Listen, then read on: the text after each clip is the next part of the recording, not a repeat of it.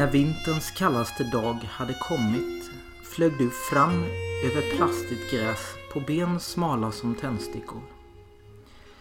Vi var nykomlingar med förhoppningar. Men ibland kändes det som att det bara var du som bar oss framåt.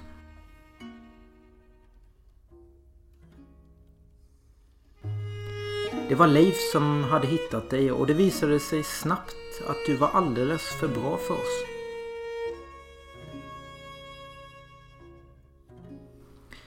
Lite på avstånd kunde vi följa dig till Skåne, Danmark, Holland och Turkiet. Det pratades till och med om Manchester, men så blev det aldrig. På Facebook kunde man skicka vänförfrågan till dig och du tackade pliktskyldigt ja. Med jämna mellanrum kollades det upp om du fortfarande spelade och det gjorde du alltid. Till slut fick du chansen att spela VM som lagkapten för ditt Kanada. Även om du nog inte var lika snabb som sist så gick det inte att ta miste på din självklara roll som ledare i mittens rike.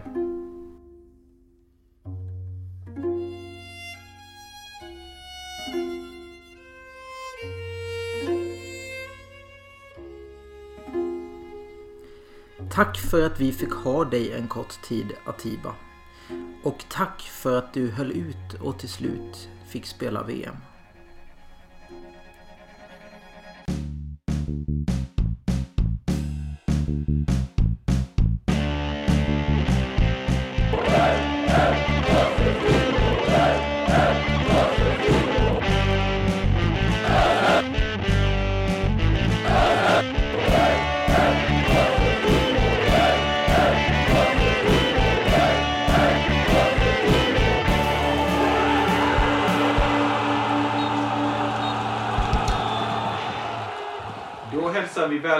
Till avsnitt 36 av den alternativa Österpodden. Och vi får tacka Erik för den lilla fina poesistunden vi precis har lyssnat på om eh, vår kära Atiba. Som precis har avslutat VM i eh, Qatar. Eh, där han blev den äldsta utespelaren att starta en VM-match. För att tydligen är det så att Roger Milla har varit äldre. Men han startade aldrig 94 utan han var väl bara inhoppare då. Just det, just det. Så så är det med det. Eh, det är så här att vi sitter i eh, som eh, vi brukar göra när vi sitter alla tre. Det är mellandagar eh, dagen efter annandagen den 27. Vi har både Erik och Mr G med oss med varsin kaffekopp framför sig. Ja men, verkligen. I hörnrummet. Ja. Det var gott kaffe det. Ja, det är Arvid Nordqvist och det är faktiskt jag som har köpt det. Mm. Kan man inte tro då jag inte dricker kaffe. Nej. Ehm, det var ju ett tag sedan sist. Eh, men jag är nyfiken Erik, vad, vad har hänt sen sist? Eh, jo men det som har hänt för mig det är ju det att eh, min sambo då hon höll något slags föredrag här i Växjö.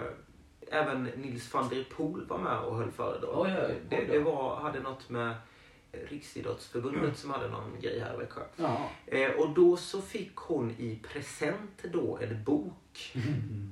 Eh, och det var ing- inte vilken bok som helst utan det var en bok som hette Ett vinnande recept. eh, och den har vi nu hemma i Danderyd då va? Spännande. Eh, vad, vad handlar boken om? Ja precis och då är det så att då har man eh, helt enkelt intervjuat kända toppidrottsnamn från Växjötrakten. Och eh, alltså då från Växjö DFF, Vipers, Öster och Lakers. Lakers. Om vad de helt enkelt äter för mat va. Ja, så det är, det är alltså en, res, en riktig receptbok? Det är en riktig receptbok. Man kan följa från Exakt. punkt A till punkt B. Precis så är det. Dock är den ju lite inaktuell då. Ehm, för att de Österspelare som är med det är ju då Fredrik Lundgren, Mattias Pavic, Kalle Johansson, Filip Örnblom, Johannes Wall och min favorit, eh, eller han som jag känner mig mest lik då, det var ju David Johannesson. Eh, så att ingen av de här spelarna spelar ju nu i Öster. Men, Tyvärr men är det väl så. Eh, reservation för då att Pavic kanske inte är helt förlorad än. Va? Men, eh. Det som var lite kul med David Johannesson det var ju att han, och där kände jag också igen mig då, att han kallas för gottegris i boken. Eh, och att han då genom att äta en stabil frukost står sig hela dagen. Ja. Eh, det känner jag också igen mig i. Han eh, åt någon slags havregrynsgröt då med, med mycket sötsaker såsom banan, eh, dadlar och honung. Sen har han då, och det här är frågan om man äter varje dag, eh, tropisk smoothie. Det lät ju väldigt gott men det är ju rätt krabbigt att göra de där tror jag. En deciliter mango, en deciliter ananas, en halv banan, 2,5 deciliter mjölk. Ja. Eh, David Johannesson som faktiskt var på plats på eh, Visma Arena här i eh, första kvalmatchen. Just det. Det var ju väldigt härligt när man då hörde Eastfront sjunga den här härliga hyllningsvisan till Ja, honom. och sen så tror jag till och med han själv fick köra någon slags liten trudelutt där i East Front. Var det lika stort som när sen Wenger var på plats på Emirates igår? Eh, Ja, jag, jag, Ja. vinkar mycket. jag såg honom också där. ja, han vinkade väldigt mycket. Mm. Men körde de någon hyllningsramsa till? Eh, Jo, men det, det stod det att de gjorde. Ja, okej. Mm. Mm. När de eh, ledde där med 2-1 tror jag som de körde Mm. Ja, men man, man skulle vilja se mer David Johannesson på eh, Visma Arena, känner jag. Definitivt. Han, han har väl en bit eh, dit. Han bor väl, ja, han bor väl i Karlstad. Spelar han fortfarande i Karlstad? De Oh. storsatsar väl nu där Ja. under Svennis? Precis. Just Man kan ju det. fråga sig, kommer Svennis att bli ha kvar David Johannesson? i Ja, men han måste väl ändå vara en av deras största stjärnor, David Johannesson. Ja, kanske. Eh, hur var det nu? Han hade ett provtränat med Notts County när Svennis var där, eller? Så de har, han har kanske ett gott öga till David. eh, Va? Va? Var har du läst detta? Ja, men han, det var någon intervju. Det har jag gått mig förbi. Det låter ju helt fantastiskt. Jag var ju Kan man, kan man verifiera den här uppgiften på något sätt? En googling kanske? Ja, pressa googla. Eh... Jo, men visst är det så. Så deras vägar korsas igen? Jag är så jäkla nöjd med det här valet. Öster känns så rätt. Det är liksom, det, det är en artikel på Östers hemsida här. Hur gammal är, kan han vara? Han, han måste ju vara 35. Svennis? Efter, efter det fick jag åka över till England och provspela i Notts County, där Svennis var på den tiden. Men det blev ingenting. Nej. Sen testade jag hos Åtvidaberg och Örgryte. Men det blev ingenting. Nej. Och då fick Öster upp ögonen för mig. Och det är vi ju alla väldigt glada för. Jo, absolut. Mm, absolut. Det som slog mig var ju att eh, Fredrik Lundgren verkar vara en eh, att räkna med. För han hade ju ändå någon lite mer avancerad... Mustig lövbiffsgryta. Exakt. Var det Fredrik Lundgren? Ja, De andra hade ju typ eh, carbonara och eh, currykyckling och sådär. Mattias Pavic, carbonara alla matte P. Mm. Ja. Det, det lät ju väldigt... Eh, Häll av vattnet från den färdigkokta pastan och blanda med knaperstekt bacon och lök. det är ungefär som en vanlig carbonara. Det är inte rocket science. Nej.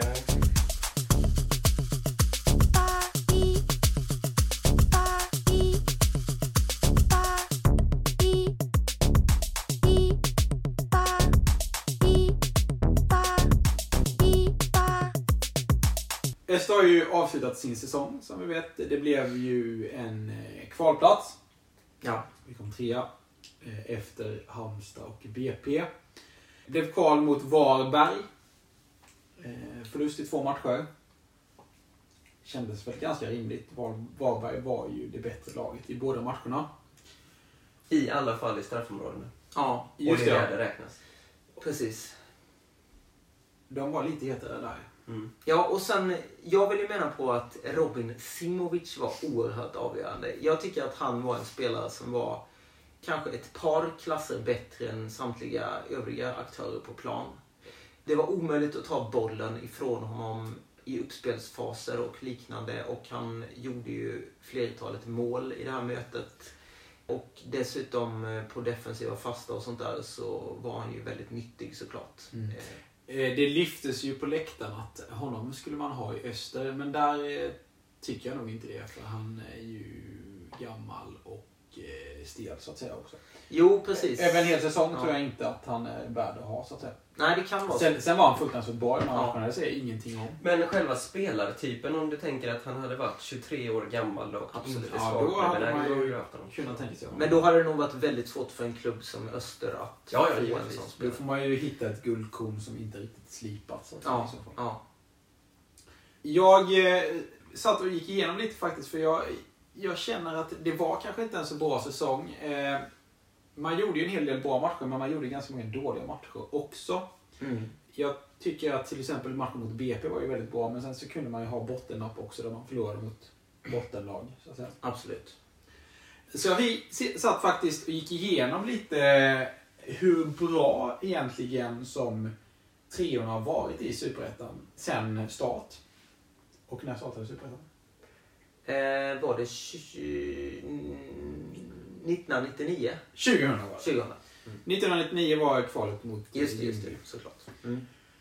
Och då är det ju faktiskt så, och det här har de pratat i eh, Arpe lite om, att eh, Öster tillsammans med Helsingborg som blev trea förra året är de sämsta treorna genom tiderna i Superettan. Man fick ju 48 poäng eh, och det fick ju Helsingborg i fjol också. Helsingborg gick ju dock upp då. Men det är ju faktiskt så att inget annat lag som har blivit tre har fått under 50 poäng innan. Man brukar ligga mellan 50 och 60 poäng som en tredjeplatstagare. Och detta gör att jag blir lite orolig när det nu råder en sån stor optimism i klubben. Att eh, det var en bra säsong, eh, tycker många, och vi kommer spetsa till truppen och göra det förmodligen ännu bättre nästa säsong. Då. Jag vet inte vad ni tycker om detta. Nej, alltså... sen så tänker jag mig att... Eh, Superettan är ju en serie där alla slår alla. Så är det. Eh, och eh, det kommer vara så även nästa år. Inget lag kommer att springa ifrån. Så att poängen kanske inte kommer bli så mycket högre. Eh, sen är det väl, alltså det man skulle vilja se det är väl ett, ett Öster som spelar väldigt övertygande en hel superettan-säsong. Så att man sedan kan bygga vidare på det vinnande superettanlaget i allsvenskan eh, och bara värva in en två till tre väldigt tongivande spelare till den allsvenska säsongen. Så att det inte blir som det blev förra gången när man gick upp, eh, då man värvade in ett helt nytt lag nästan.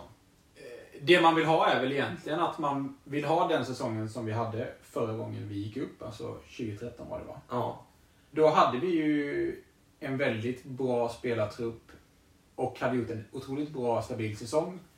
Framförallt en väldigt bra vårsäsong. Men då eh, fallerade det lite med att dels att Roar försvann och att truppen eh, blev lite pulveriserad. Va? mm. Och att vi fick in en tränare som inte var helt kompetent kanske. Det var jag som sa Ja. det. det får du säga. Eh, så, så det är, men problemet är ju då att om, om man nu ska ha, ha en eh, trupp som inte blir attraktiv för andra klubbar att eh, köpa loss eh, spelare från så måste man ju, kan man inte ha så mycket unga spelare. Just det. Eh, vilket Halmstad kanske har gjort eh, ganska bra i år. Mm.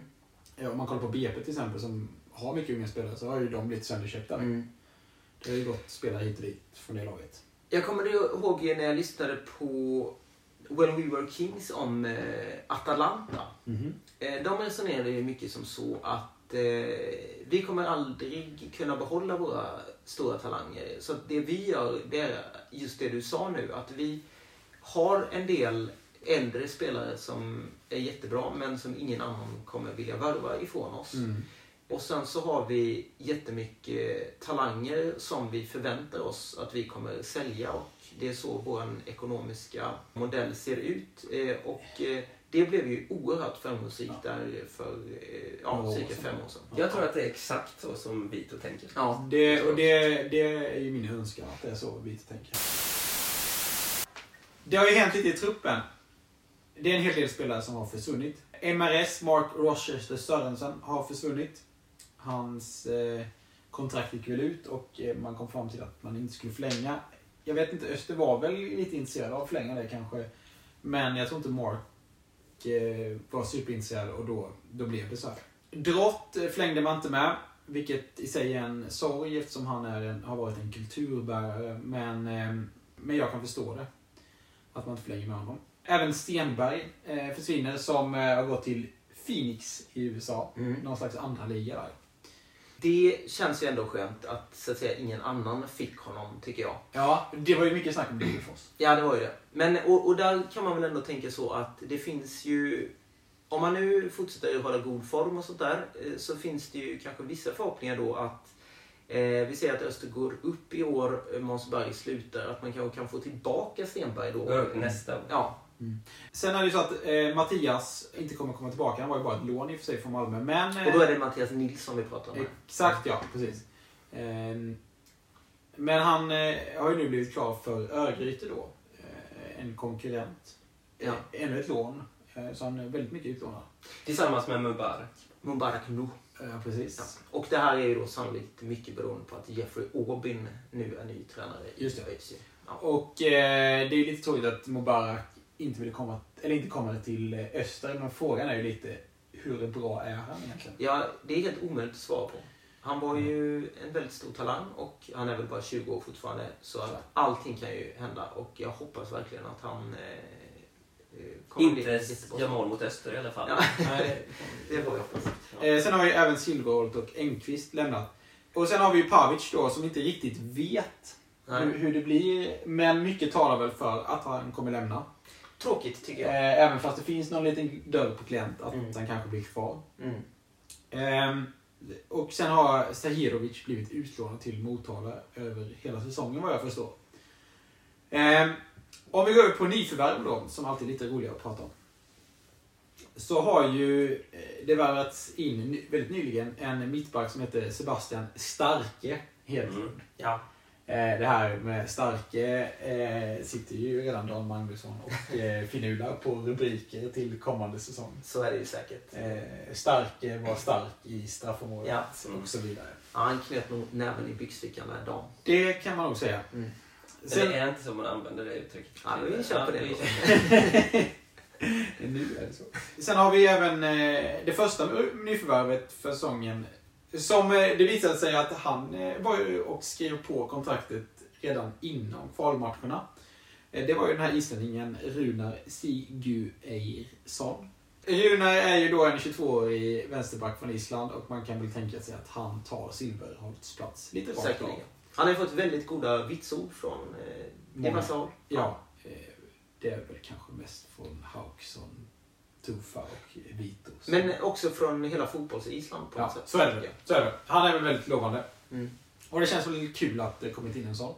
Sen har vi även värvat Daniel Ljung från eh, J Södra. Eh, 24 år, eh, mittfältare. Och det kändes väldigt bra när han kom in, för han har ju ändå levererat en hel del Superettan. Man vet vad man får. Mm. Och det känns ju också bra att kunna locka en spelare från J Södra till Öster, för det betyder väl att man tror på Öster. Mm.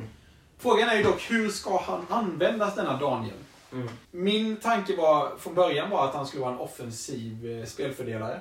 Ja. Men den har nog ändrats lite allt eftersom tiden har gått här och man har läst och hört lite hur folk resonerar. Eh, att han kanske ändå kommer vara en av de två defensiva spelarna. Mm. Ja, för att eh, om man tittar på hans poängskörd här eh, senaste säsongen så stämmer väl den lite mer överens med eh, en lite mer så kallad sittande mittfältare Ja, eh, i ett topplag än vad ni gör som en offensiv mittfältare. så är det ju absolut. Och det är väl lite det de har haft som tanke när eh, MRS har spelat eh, sittande här. Mm. Ska försöka få lite mer offensiv kvalitet i de sittande mittfältarna. Mm. Och man kan väl tänka sig att de två spelarna lite grann tar ut varandra i, det här, i den här truppen då. Lite den ekvationen. ja. Och eh, första elvan kommer väl bli att Manasse och Daniel kanske spelar bredvid varandra då. Om, om nu Tufa tänker som vi. Och sen då en väldigt kompetent ersättare i Alex Ja. Det är ju han som får eh, eh, lida lite för detta nyförvärv känns det Mm. som. Och det, det blir lite tråkigt för Höjsson för han, han gjorde ju ändå en hel del bra matcher i år. Mm. Eh, jag tycker i början var han väldigt bra och nästan bättre än, eh, än Manasse i många matcher. Men eh, Kuso visade ju i slutet här och i, i säsongen över stort att han var eh, kanske den mest kompetenta spelaren i hela Österlaget. Absolut. Vilket visade sig sen på den här Mm. Östergalan. Om någon skulle vilja ha Alex Thor Eriksson, borde Öster då släppa honom? Det kan ju vara så att han har nått någon form av tak här, att han kanske inte kan bli bättre. Han är ju ändå inte den allra yngsta spelaren längre och det finns andra bakom som, Alltså- kan eh, knacka på dörren också. Ja, jag tror ju i och för sig personligen att han har ett större spel i sig än vad vi- har fått se i år. Framförallt tror jag att han har ett mycket jämnare spel i sig. Eh, Så att jag vill nog inte släppa honom. Sen givetvis är ju allt till salu, bara pengarna är de rätta. Men jag tror inte man får så mycket pengar i det här läget heller. Det finns ju inte så mycket pengar i svensk fotboll och så vidare. Så att eh, eh, jag tycker absolut, behåll honom. Eh, Det tycker jag. Och jag tror ju inte heller att eh, det är rätt att släppa honom då vi, om jag inte räknar den här Herdonsson som är en lugn, ung, lovande eh, defensiv mittfältare som säkert kommer få göra en hel del inhopp och eh, kanske även starta någon match i år. Eh, så är det ju ändå tre eh, mittfältare där som kommer slåss om två platser. Mm. Det är ju Hauksson, Ljung och eh, Kusu. Och man behöver ju ha en, minst en i backup där. Som, som har god kvalitet så att säga. Ja. Eh, så även fast han kanske kommer nöta lite mer bänk eh, så eh, vill jag ha kvar honom i truppen. Absolut. Han är en väldigt bra box-till-box-spelare också. Han är väldigt bra att slänga in i slutet av matcherna. Mm. När det behöver köttas lite. Mm. Och vi har ju sett Fast- honom göra åtminstone ett väldigt läckert mål Absolut. för förra säsongen. Absolut, absolut. Sen är det så att det har värvats in en målvakt också. Ja. Miloje Prekovic. Mm. 31 år. Närmast från Samarkand i Uzbekistan. ja. Från ett Samarkand till ett annat, Ja, just som det. Erik skrev i den gemensamma chatten. Ja, ja. Vad var det Samarkand betydde? Nu kom vi fram till det. Jag tror att det betydde någonting i stil med s- stenstad eller Det var inte handelsplats då som vi trodde. Eh, Jag tror inte det. Det var, är väl mer att det var en handelsplats eftersom det låg där på Silkesvägen, Sidenberg. Sidenvägen. Ja. Och det var mycket karavaner och sånt som stannade till där och handlade lite kanske. Mm. Så är det säkert. Den här värvningen värmde extra gott i mitt hjärta. Jag har ju saknat det här lite med spelare som har lite brokig bakgrund. Sedan vi hade exempelvis Ponomarev och eh, Robert Veselovski i, i truppen. Ja. Det är så att Miloje har sedan 2010 spelat i inte mindre än 10 klubbar. Öster blir den elfte klubben. Så han har ju rört på sig en hel del. Ja. Han eh, har spelat i flest klubbar i Serbien, han är ju serb då. Eh, men han har även varit i Ryssland och då senast i Uzbekistan. Mm. Jag eh, ramlade över en highlights-video på honom som var 17 minuter Mm. lång. Den finns att hitta på Youtube för den som är Precis, det är intresserad. bara att googla. Eh, Det känns lite otippat att en målvakt har en highlights-video. Ja, Ja, fast det är man en sån som byter klubb så pass ofta så är det då bra att han har den. Tror ni han, eh, hans agent har gjort som förmodligen Matteo Blomqvist, Sampis agent, eh, gjort? Skickat ut eh, den här highlights-videon till, till eh, klubbar. Mm. Då kanske eh, Falkenberg nappat. Du har ju också en highlight-video. Har du? Men Petters självmål mot... eh, Vad hette det laget? Tvärskog borta. Tvärskog borta.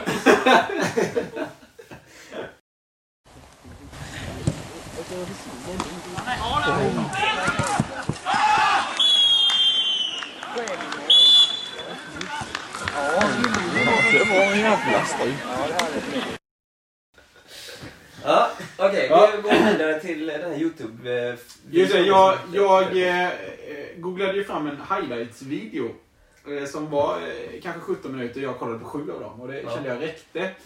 Eh, det man kan konstatera är ju att han, eh, Miloje då, är ju en, en robust och stor målvakt. Ja. Eh, 1,92 här läser jag på Transfermarkt. Just Det är det. inte dåligt. Eh, han är, det kanske inte är så långt om man eh, tänker målvaktsmässigt på målvaktsmässigt det sett så är det ju inte så långt.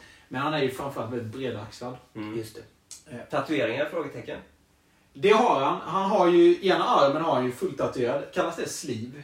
Nej, jag är osäker. Jag tror det kallas liv. Ja, eh, det ser väldigt hårt ut. Eh, Och då bygger det ju förstås på att han kommer ha en eh, kortare man. kortare Men det tror jag de brukar ha just det. Ja. Mm. Det som eh, slog mig lite då var att han såg lite orörd ut. Även fast det var ett highlights-paket här. Det var inga mål han släppte in i detta paketet. Utan Mm. det var ju bara fina räddningar. Så såg han lite orörlig ut. Aj, aj, aj. Jag Ja. antar att Tofa vill att han ska vara väldigt bra med fötterna. Ja, också. och det tror jag han var. För det, det var några klipp på där han rörde bollen med fötterna och det såg, det såg stabilt ut. Mm. Så att säga. Men givetvis många fina räddningar också. Ja. Eh, Och eh, en hel del straffräddningar. Mm. Jag har ju då återigen besökt eh, Kungliga biblioteket i Stockholm. Och jag har ju varit på bottenvåningen där och där har jag då roat mig med att eh, gå tillbaka till säsongen 2004. Ja, spännande. Och vad hände då säsongen 2004? Eh, hade vi inte blivit degraderade Det är riktigt. från Allsvenskan till. Superettan? Just det. Men det som framför allt hände, det var ju det att det var ju senaste gången Öster spelade i Europa. Ja, just det. Den platsen fick man väl för att man hade varit ett snällt lag? Va? Exakt. Och mycket tur var det väl också Det var för det att det var andra lag som hade varit snällare än Öster. Och då fick ju alltså Öster chansen då att kvala till klassiska Uefa-cupen. Just det. Kommer ni ihåg vilka lag det var man fick möta? Eh, Lepajas kommer jag ihåg. Men sen Mm. var det något lag till va? Precis. Och det var ju TNS, eller Total Network Solutions. det. Från Wales. Från Wales, ja. Och vi ska nog vara glada för att de eh, hette så, för att tidigare hette de ju något walesiskt. Ja. Och Det är ju jättesvårt att uttala. Precis. Det var ju så att de kom ju från staden som heter det här jättesvåra namnet som är Lansanta Fraid ungefär i Wales då. Och eh, då från början så hette de då Lansanta Fraids FC och den klubben bildades 1959. Mm. Men så 1996 så bytte man då först till Total Network Solutions Lantad Santa Fraid FC. Eh, för att det lokala dataföretaget Total Network Solution eh, gick in som huvudsponsor. Men år, året efter då, eh, alltså 1997, så bytte man då namn till Total Network Solutions FC. Man kan ju misstänka att de till och med själva tyckte att det här ortsnamnet var lite omöjligt att- att uttala, så därför så körde man på det. Och det är ju så vi då känner den här klubben. Men! 2006 då så löpte avtalet med Total Network Solutions ut och då bytte man namn till The New Saints. Eh, vilket ju passar, Ja. passar bra eftersom det också passar med akronymen TNS då. Oh, ja, ja, ja, ja. Ja, snyggt. Men Det hade så att säga satt sig. Så. det hade det verkligen. Men, men på den tiden Öster spelade mot dem så hette de ju då Total Network Solutions FC. Och eh, det här var ju eh, som en skänk från ovan kan man säga. Ja. För att Öster fick ju alltså chansen att tjäna in lite pengar här och det här var ju väldigt magra år för Öster såklart. Ja, eftersom man precis hade blivit degraderade så kan man ju tänka sig att eh, det var ett litet hål i plånboken. Absolut. Eh, så att man såg en god chans här att eh, vid de här matcherna mot TNS så skulle man tjäna in ungefär 400 000 kronor och det var, det var inte så lite pengar för Det var Öster inte kattskit Nej. Och en väldigt viktig grej som händer här inför de här matcherna, vet ni vad det är? Det är att man kan inhandla Per Cederqvist. Det är helt redigt. Ja, ja. Och han inhandlades ju då den 5 juli från Djurgården 2004. Och eh, anledningen till att Djurgården värvade honom det var att han säsongen 2002 hade gjort 18 mål på 20 matcher i IFK Värnamo. Och då hade han tidigare där haft en viss Leif Widén som Mm. tränare i lite yngre år. Så han Mm. kände ju mycket väl till PC här då. Inte helt olik eh, Ludvig Ernstsson, Nej, men snabbare står det här. Just det, precis. Det, det är så han beskrivs. Mm. Och ehm, då är det så att eh, den här första matchen då, som Öster ska spela mot Total Network Solutions, den spelas då hemma den 15 juli. Och ehm, man kan säga att eh, TNS hade ju då tidigare försökt komma till Europa. Man hade försökt kvala in till Uefa-cupen vid fem tillfällen men aldrig lyckats. Eh, De var ju då en maktfaktor här i walesisk fotboll. Av de lagen som spelar i walesiska ligan ska vi säga. För att vi har ju till exempel Cardiff Ja, som ja, spelar ja, i ja. den engelska ligan. Ja, det där har jag aldrig fått ihop. Ehm, För det är ofta så att svenska lag får möta walesiska lag bland annat. Och Just då det. tänker man, har de inga bättre lag? Men det är ju så att vissa spelar i den engelska fotbollen. Ja, ja. Eh, och, och, eh, för det, det är ju verkligen skilda världar där. Alltså, TNS de hade eh, alltså en arena då som idag heter Park Hall men när det begav sig så hette den The Recreation Ground. Tycker jag är ett ganska fint namn då. Och den hade då bara plats för 2000 åskådare. Jaha. Och det passar ganska bra det för att i den här staden Lantansanfaraid så bor det ungefär 2000 invånare. Okej. Men i alla fall, den första matchen spelades på Värensvalla den 15 juli. Och då, då så var det så här att eh, TNS hade ju då försökt kvala in till Uefa-cupen vid fem tillfällen tidigare men aldrig lyckats. Och på klubbens hemsida så kunde man läsa att matchen mot Öster då var den bästa chansen de hade haft någonsin. För att de tänkte att Öster inte var så bra. Exakt. Ja. Ehm, Öster beskrevs som ett lag på dekis som fått platsen under mycket speciella omständigheter. Och det kan man ju hålla med Det kan man om. Eh, Men eh, i alla fall då. Östers startelva inför matchen. Peter Kemfors, Olé. Jaha, inte stringen? Nej, nu är, är du på lite fel tid här tror jag Petter. Peter Kemfors i mål. Sen hade vi en urstark backlinje vill jag mena. Danne P, Christer Thor, Kaspers Goks, Joakim Karlsson. Marcus Jonsson var Ja, inte... jag kommer Ja, till det. Jag kommer till det. det är en lite intressant grej här med Marcus Jonsson. Jaha. Eh, mittfält, Emin Nori, Dennis Velic, Fredrik Gustafsson, Johan Svensson. Och sen... Jag vill bara flika in där. Var det så att Emil Nori då hade petat Peter Wibron Ja. i den här uppställningen? I denna uppställning var det det. Och sen då på topp så hade vi alltså då PC och Marcus Jonsson. Ah, han gjorde några matcher som anfallare. Det gjorde han. Och vad händer då? Jo, då är det så att Öster... Det står 0-0 i paus. Mm. Men sen så vinner Öster då till slut den här matchen med 2-0 då efter självmål och mål av Per Cederqvist. Han började Alltså inte han som leverera, gjorde självmålet då. Utan, ja. han började leverera redan där. Alltså. Det gör han. Eh, match två, som då går borta i Wales den 29 juli. Och då är Östers startelva förändrad. För då är ju Klas Gren i målet istället. Ja, ja. Och då är den tidigare så starka backlinjen kanske ännu starkare, åtminstone defensivt. För då har ju då Marcus Jonsson flyttat tillbaka och spelar nu högerback. Fan vad de måste blivit förvånade att en anfallare helt plötsligt Ja, det- gick till att spela högerback. De måste ju tänkt att... De de gnuggade händerna såhär yes! Hur fan tänker de? Han är osäker. Men i alla fall, backlinjen då. Marcus Jonsson, Christer Thor, Kaspars Gorks, Joakim Karlsson. Och sen mittfältet då. Namnkunniga spelare med mycket rutin. Danne P, Peter Wibron, Fredrik Gustafsson, Johan Svensson. Jaha. I anfallet Per Cederqvist, Fredrik Söderberg. Han fick vara med Mm, han fick vara med. Och eh, då så är det så faktiskt att den här matchen den spelas då inte på hemmaarenan The Recreation Ground. Mm. Nej. Utan istället på The Race Course Ground. Ja. Och den ligger i Wrexham Mm. och är då hemmaborg för Wrexham AFC. Som ju då är ett sånt här lag som spelar i det engelska ligasystemet istället. Jaha. Men eh, eh, var, varför flyttade de den dit?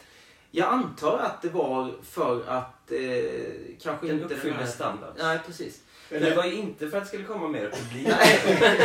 men det var väl ett gäng isfrontare där? Ja, det var det. det, var det. Nej, för att matchen den spelades ju då inför 654 personer. så det var ju inte så att det skulle komma... Eh, och då var det så att... Isfront dominerade. Isfront dominerade. Artikel här. Precis, och det, eh, det vill jag ta upp lite i den här artikeln då som du refererar till i SMP. För att Mm. då var det så att eh, på den här tiden så fick då den här publiksiffran då en tumme ner i SMPs eh, artikel. Ja. Eh, och så fick då Eastfront då en tumme upp. Ja. Så att då var det det man hade som liksom graderingssystem. Inga kranar och inga... Det verkar inte så. Utan det som fick en tumme upp var då Eastfront som tagit sig till Wrexham och dominerade läktarna. Och då vill jag alltså påminna om här att det här var 2004 och SMP var alltså före Facebook då med tumme upp. Eh, Ja, för det kom till. Facebook eh, först 2009. Är det så? Ja. Så att det är lite anmärkningsvärt. Ja, ja. Inför den här andra matchen, ni vet vem som var tränare i Öster vid den här tiden? Leif Widén. Leif Widén. Ja. Och Widéns taktik, det var att forechecka högt. Var väldigt modern i, Ja. På det sättet. Det får man ju Det säga. före sin tid. Ja. Och det här var för att hålla TNS borta från Östermålet. För TNS hade ju många väldigt stora spelare. Just det. Mm. Så att man ville undvika risken att eh, de skulle få fasta Okej. situationer. Mm. Och efter 11 minuter så ledde då dessutom den här höga pressen till ett misstag. Och vem gjorde mål för Öster då, tror ni? PC. PC Precis. gjorde mål. Men i den 79 minuten så gjorde TNS 1-1. Men i det här läget behövde man ju då, eller de ju då, göra tre mål till Ja, för att gå vidare. För det var ju bortamålsregel och så vidare.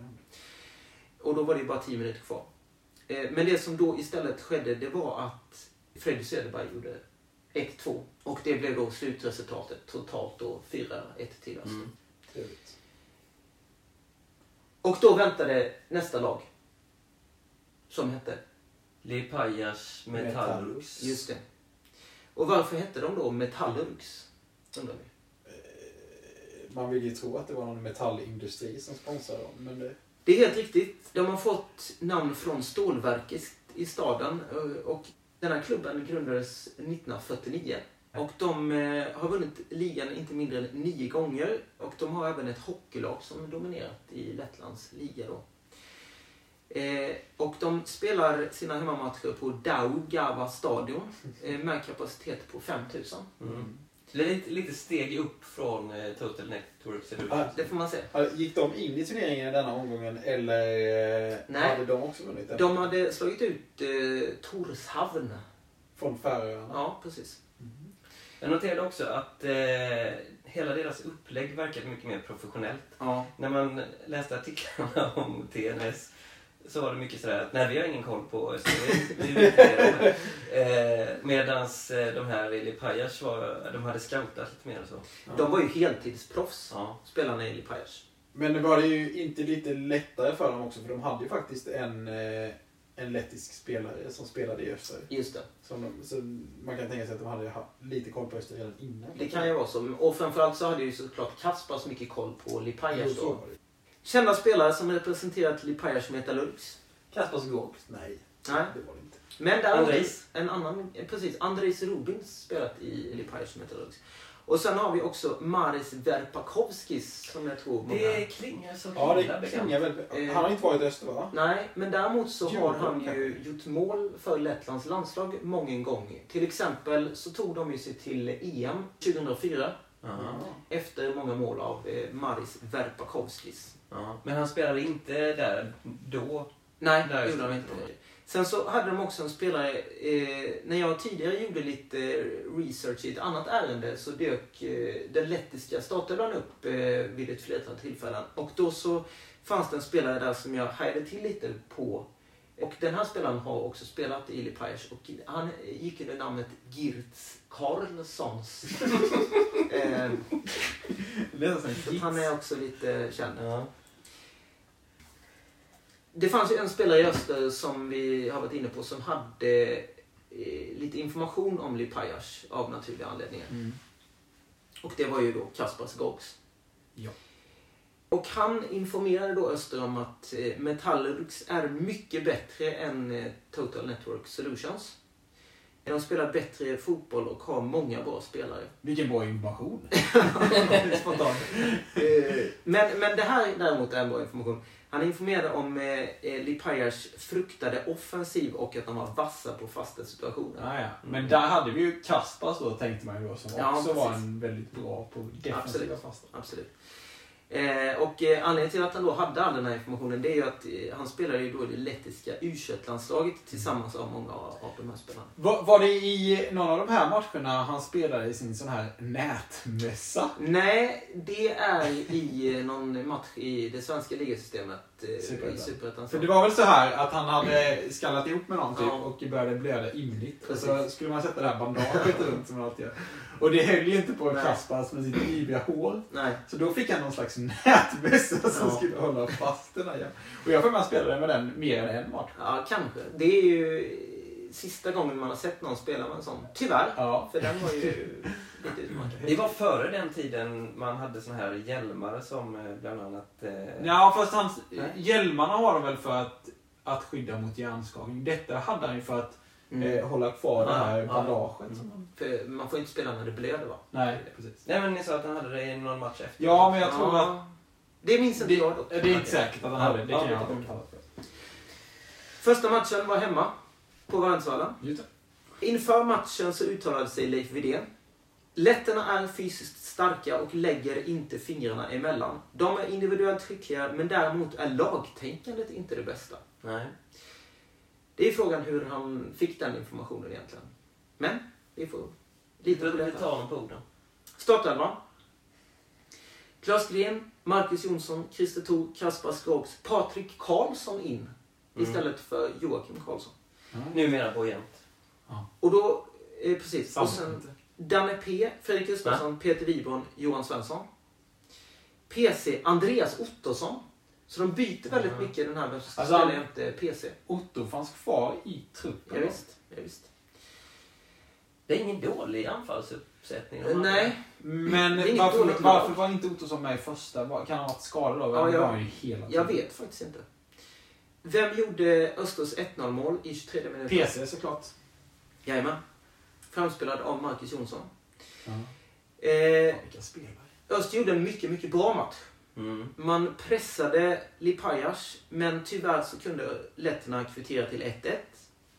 Öster pressade på och i den 85 minuten så eh, spelade inhopparen Dennis Velic fram till PCs andra mål för kvällen och ledning 2-1.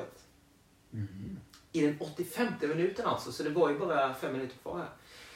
Men det är första matchen. Detta är första matchen, men på stopptid så kunde ju då tyvärr eh, Lipajas göra 2-2. Det blev ödesdigert. Mm, det blev det verkligen. Och sammantaget Och så... det var väl också Kaspar Skork som gjorde en miss där. Ja, precis. Det var ju en kommunikationsmiss här mellan eh, framförallt Patrik Karlsson och eh, Kasper Skogs. Eh, men möjligen också lite Klas Green inblandad där. Sammantaget så var spelare och ledare väldigt nöjda med själva spelet i matchen men väldigt missnöjda då med, med det här sena eh, Poängskörden. Mm. Och matchen spelades på Värnsvallen då inför mycket, mycket dåliga publiksiffran. 1461 Ja, personer. fan. Ja. Det var... Ja. Match 2, 26 augusti. Och den spelades då på den här Daugava-stadion i Lipaja. Mm. Öster startelva, Klas Gren, Marcus Jonsson, Christer Thor, Kaspar Skogs, Patrik Karlsson. Mittfält, Peter Wibron, Fredrik Gustafsson, Dennis Velic, Johan Mattsson. Där kommer han in i Jocke, bilden. Johan Jocke Mattsson. PC, Johan Svensson. Så att det är hela tiden De att man eh, snurrar om på Ja, men det man ska komma ihåg med den här eh, perioden i Östers säsong var ju att de hade, de hade ju de här kvalmatcherna samtidigt som Ja. de hade superettan-matcherna. Ja. Så det var så himla många matcher. Så att de var tvungna att rotera. Verkligen. Men PC klarade ju allt då förmodligen. Ja. Men han har ju varit en spelare som har klarat allt. Alltså Ja. han har ju varit...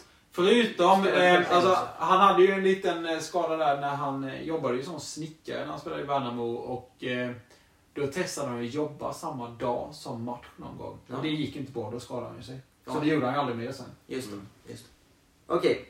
Inför matchen så skulle Öster testa en helt ny taktik. Och det kallades då inom citationstecken för ett utpräglat rollspel. Okej.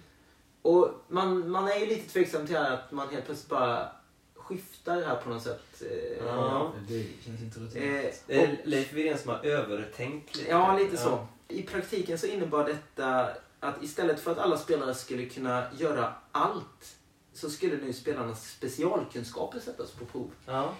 Bland annat så skulle det kunna innebära att Dennis Velic öppnande passningar skulle kunna nå PC och Johan Svensson eh, som bildade anfallsplan. Mm. Tyvärr blev det inget avancemang. Eh, Matchen slutade 1-1 och alltså sammanlagt 3-3. De Och föll på botten. Lipaja... Ja, de tagit bort va? Ja, Ja, ja. Ja. Öster hade dessutom ledningen med 0-1 Ja. efter mål av PC. I 29 minuten. Fan vad han levererade. sen. Eh, Ja. Så där var man alltså vidare fram till den 53 minuten då när det här ödesdigra kvitteringsmålet kom då.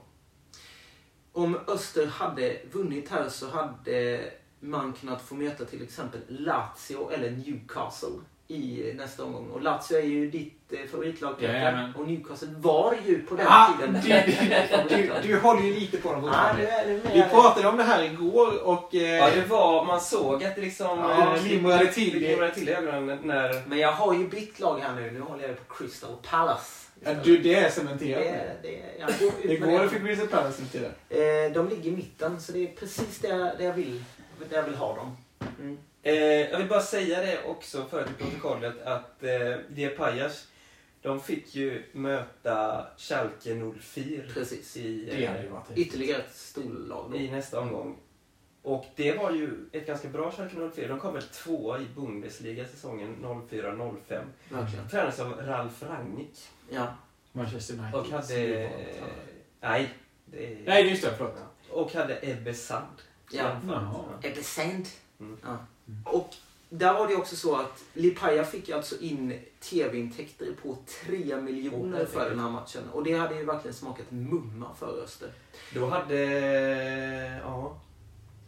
Det som också ska tilläggas det är ju att Lipaja förlorade då med 0-4 i första matchen och 1-5 i andra matchen. Så totalt 1-9 här mot Schalke. Nu. blev utskåp. Så att, eh, men, men jag menar, de här 3 miljonerna in på kontot, Fan. det hade ju inte varit så dumt. Du kanske inte hade varit där vi är idag.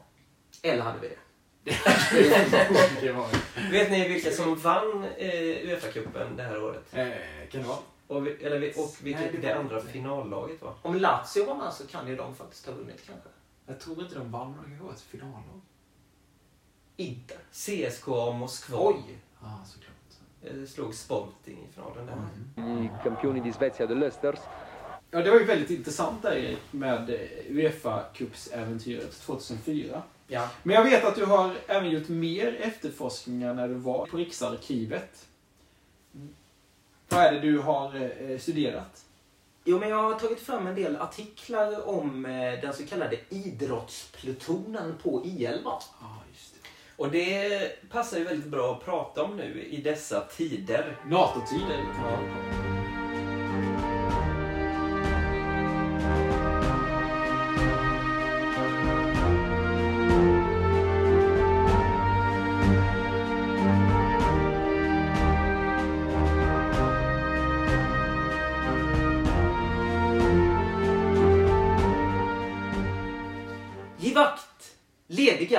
Klart för avspark! Idrottsplutonen vid I11 i Växjö rycker fram.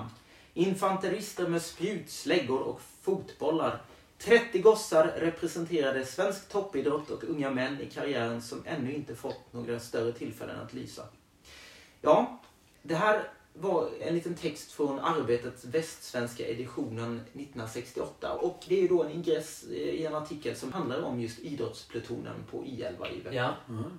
Inofficiellt så kallades den för fotbollsplutonen Just det. Ja, ja, eftersom över 50% av eh, idrottarna var fotbollsspelare.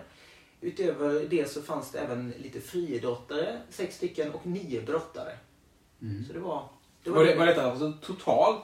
Det var 1968 Ja, års, 1968, eh, okej. typer. Så att man, Ja. man hade liksom inte alla typer av idrotter. För det var väl lite så att eh, man kunde inte ha hur många tränare som helst. Utan, Ja. utan då var det fokus, friidrott, fotboll, eh, brottning. Och det var militärer som var tränare då? Ja, Och 68 då, viktigt år i, i Östers historia. också. ja precis.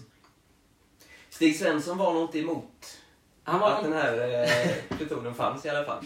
Eh, ni kanske undrar lite så här hur en utbildningsvecka kunde se Ja, ut? ja, ja, ja, oj, oj, verkligen. ja. Den var ju då, bestod ju då av 44 timmar där, så det var lite mer än en vanlig arbetsvecka. Ja.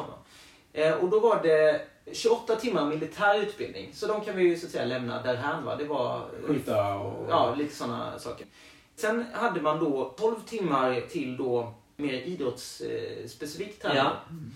Och utav de 12 timmarna så var det två timmar militär idrott såsom simning och hinderlöpning och sånt där. Mm. Jaha. Sen var det två timmar styrketräning och då ska vi minnas att 68 så var nog inte styrketräning så här jättevanligt bland Man fotbollsspelare. Man lyfte inte jättemycket skrot på Nej. då. Nej, precis. Sen hade man fyra timmar konditionsträning. Mm. Mm. Så långt liksom ganska så här ospecifikt va? Mm. Men sen då hade man då fyra timmar specialträning i sin idrott. Mm. Och det här är då på en hel vecka, så det är ju inte supermycket fotboll vi pratar om här egentligen. Det är alltså fyra timmar. Och det innebar ju då fotboll på Värnsvallen egentligen i det här läget. Mm. Och tränare var ju ingen mindre än Vilmos Varsegi. Ja, ja, ja. att, eh, ja, ja. Och det här, för det här var ju 68. Mm. Han extra knäckte lite som det var. Ja, men det var ju bara fyra timmar också. Så. Men, men eh, det var så att på kvällarna så kunde de, eh, de som spelade i Öster då, gå till Östers träningar då? Ja, det utgår jag ifrån. Mm. Men så var det ju inte för, antar jag då, för de andra spelarna riktigt. Där. För att eh, till exempel i den här, eh, eh, i det här gänget då, de här rekryterna som fanns 68, då fanns till exempel Ronny Hellström med. Det. Och sen fanns också Göran Hagberg som ju faktiskt då inte tillhörde Öster, verkar det som, utan han spelade i Landskrona då vad jag förstår. Ja. Men sen fanns också Inge Eidestedt och P.O. Bild. Ja. Vilket gäng var. Ja, Ja. Men, men kunde... Jag fattar ju, de kunde ju gå till eh, Östers träningar och, och träna med Öster förmodligen. Mm. Men kunde de även åka iväg på helger och spela matcher tror vi? Eh, det kan inte jag riktigt svara på. Nej. Nej. Faktiskt. Kräver lite närmare efterforskning. Mm. 1978 års idrottspluton på I11 innehöll tre bröder Ravelli. Andreas och Thomas, 19 år. Men sen också Stefan, 21 år, snabb anfallare. Och då undrar man lite här, lite. varför fick han vara med när han var 21 år? Undrar man lite också. Mm. Sen var det så att 1992, eh, vet ni vad som hände då? Du lades den ner då eller? Ja, då lades det ner. Mm. Samma år som Eastfront bildades ju.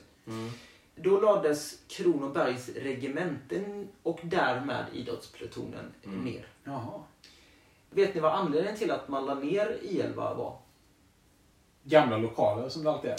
Nej, det var det faktiskt inte. Utan det var så här att generalerna trodde inte på en invasion i söder.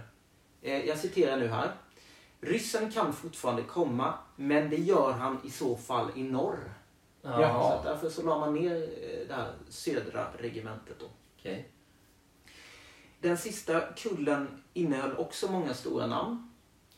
Patrik Bjärred Andersson, Jaha. Joakim Björklund, Ja. Björn Lillius spelar i Helsingborg. Ja. Det fanns nio idrottsplutoner i landet. Mhm. 200 platser Mm. att söka till. Vad mer från någonstans? Var det några kända? Typ Halmstad kan man ju tänka sig hade Mm. något liknande då. Jag kan dra alla nio här. Ja, tack. Vi har I1 Kungsängen, I2 snedstreck FO52 i Karlstad, Mm. I3 Örebro, I5 snedstreck FO22 Östersund, I11 snedstreck FO16 snedstreck 18 Växjö, I13 snedstreck FO53 Falun, I16 Halmstad. Mm. Låt oss gissa att de hade pingisspelarna. I19 i Boden, Ja, ja. K4 Umeå. Just det. Ni har läst lite om så här, jag ser att du sitter med det framme där lite grann, Mm. att eh, de tog upp lite olika fotbollsspelare som har funnits på de olika regementena och liksom vad de fick för betyg och sånt där. Mm. Ja. Det är jättekul läsning. Ja. Verkligen. Det första jag eh, studsade till på där, det var egentligen inte betygen utan det var Claes Ingesson. Just det. Då står det så här, Albanienhjälten Claes Ingesson är sämst på lumparhistorier. Mm. Han eh, låg i Göteborg dock. Man trodde ju egentligen att han var väldigt bra på lumparhistorier. Ja, man. det tror jag. Ja. Vi har även eh, eh, Jonas Tern. Han var i Växjö. Mm. Det, det som slår en här när man läser denna artikeln är ju att man, de har ju fått betyg här då va? Exempelvis Thomas Ravelli har fått betyget uppförande 10, lämplighet i befattning 5 och allmänduglighet 4. Och det är ju förvånande att uppförande 10, Ja. är det inte det? Men det som slår en med uppförande 10, det är att alla får Ja, det, Ja. det ligger en Tio hund i begraven där. Och, och då ska vi också nämna då att till exempel Glenn Hysén får uppförande 10. Exakt. Det känns ju också väldigt Ja. förvånande. Eh, Han var inte dock i Växjö då ska vi säga, Nej. utan han var naturligtvis i KA4 i Frölunda. Ja. ja. En av eh, de här liksom generalerna eller liksom ledarna på I11 var ju Per-Åke Tessmark som jag läste om i en av artiklarna. Och då, då nämner han just det här, för de frågar honom vilken var den bästa spelaren och så vidare. Och då nämner han vilken var den bästa rekryten och då var det Peter Larsson, den här gamla eh, AIK och Ja. Ajax-spelaren. Ja, Eh, han... han han fick ju då uppförande 10, lämplighet i befattning 9, allmän Ah, duglighet okej. 9. ja, han var en att, eh, mönster i det. Han spelat i Ajax. Och där kan vi också nämna då att, eh, att även Stefan Damberg var ju någon slags eh, liksom ledare. Och då undrar alla, vem är Stefan Damberg? Ja, men jag tror att många vet vem han är faktiskt. Men Alla som har gått i skola på Bergunda, Ja. men alla våra lyssnare har inte gått Nej, i skola på han Bergunda. är ju då en, en före detta gympalärare och syo på eh, Han var en Bergunda. också kanske. Mm.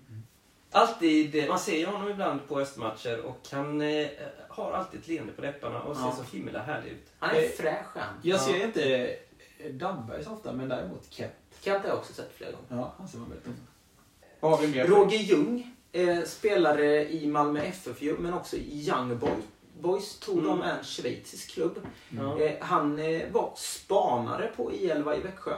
Mm. Eh, och där vet jag ju då efter mina långa samtal med eh, den gamla Vederslövsprofilen Johan Nilsson att han gick på idrottsplutonen samtidigt som just Roger Ljung. Ja, ja, Var, ja. var Johan Nilsson på idrottspluton? Ja, precis. Ja. Jag letade febrilt efter artiklar om honom liksom i arkivet men det, det fanns Det fanns ingen så här lämplighet. Alltså, jag vill bara för protokollet, uppförande 10, lämplighet i befattning 8. Allmän duglighet 8 på Roger Ljung där, så det är väl Ja. ganska bra. Bra. Och det, men han känns väl som en ganska ordentlig Ja, person, det gör han verkligen. Roger Ljung där borta dyker upp. Ja. Men det går vidare till förra avsnittet, Vem där? Det var jag som hade Vem där i förra avsnittet, så därför tänker jag redovisa det rätta svaret här. Bra. Ska vi börja med att säga att det var Anders Linderoth? Det kan vi göra. Ja. Ledtrådarna gick så här. Vår person delar till viss del namn med dagens regent. Och det är ju så då att Anders är ingen regentnamn, men däremot heter han ju Carl Gustav i mellannamn. Just det. Denne general är i gott sällskap med bland annat Zlatan, Bild och Orvar. Och de har ju vunnit Guldbollen då allihopa. Just det. Och sen eh, följer även ledtrådarna. Persson, Svensson, Gustafsson, nej. Tili Aradix är den vi söker. Ja, det fattar inte jag. Är det någon slags latin? Det är latinskt namn för. Linderoth. Om man eh, sätter ihop Lind och. Roth så blir det så. Ja. Men de här namnen som du sa. Ja, Persson, Svensson, Gustafsson och det är ju då Johan Persson jag syftar på och det är ju eh, Daniel Svensson och Fredrik Gustafsson. Det är andra mittfältare i Exakt, exakt. Mm. Som har haft samma position då. Mm. Och vi har ju faktiskt fått in ett rätt svar. Det är redigt. Och det kom från en ny vinnare. Han har alltså aldrig vunnit innan. Nej, han har skickat in svar några gånger men aldrig varit först va. Men nu var han som ensam eh, med rätt svar här. Torbjörn Karlsson.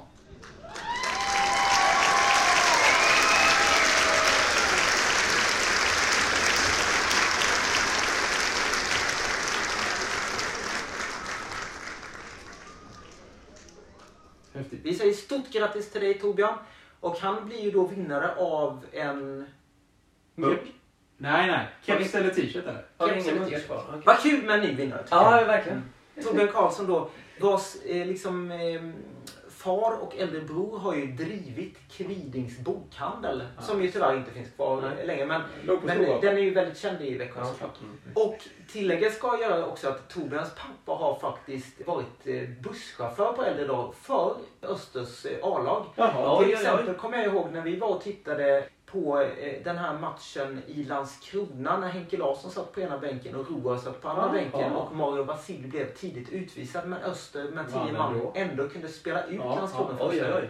Då var han chaufför till den matchen. Åh fan. Ja, ja. Eh, Ja, det var, det var en anekdot. Med denna rafflande information går vi vidare till detta avsnitt Vem där? Vem, vem är där? Vem är där? Vem är där?